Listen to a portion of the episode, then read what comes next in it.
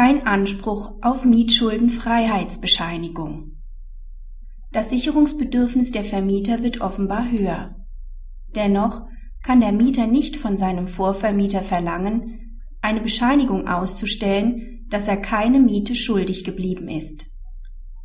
Der aktuelle Vermieter verlangt von den klagenden Mietern eine Bescheinigung ihres bisherigen Vermieters, wonach Mietschulden jedweder Art, demnach etwa aus der Miete, den Betriebskosten oder der Kaution, nicht mehr bestehen.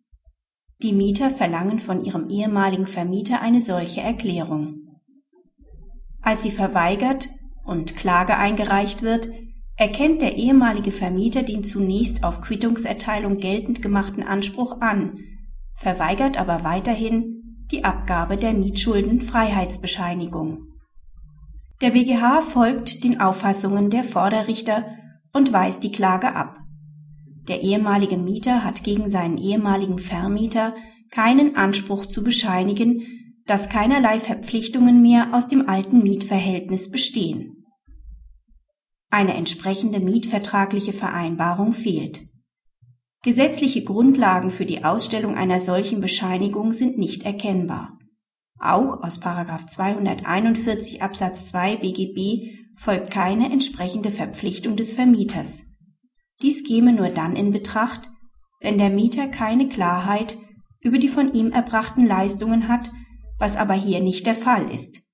Denn aufgrund der seitens des Vermieters ausgestellten Quittungen kann der Mieter erkennen, welche Zahlungen er geleistet hat. Dem ehemaligen Vermieter ist auch nicht zuzumuten, die geforderte Erklärung abzugeben.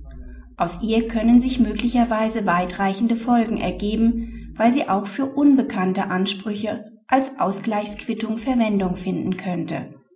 Es besteht nach den bisherigen Sachverhaltsfeststellungen auch keine Verkehrssitte, solche Bescheinigungen zu fordern bzw. auszustellen. Praxishinweis. Der Entscheidung ist zuzustimmen. Das Gesetz kennt in den Paragraphen 368 fortfolgende BGB nur die Quittung als Bestätigung einer Zahlung. Weitergehende Ansprüche müssten vereinbart werden. Die Tatsache, dass ein örtlicher Großvermieter eine solche Bescheinigung von seinen Mietinteressenten erbitten soll, ist unbeachtlich. Dem Vermieter kann, wie der achte Zivilsenat zutreffend betont, nicht zugemutet werden, eine solche Erklärung abzugeben.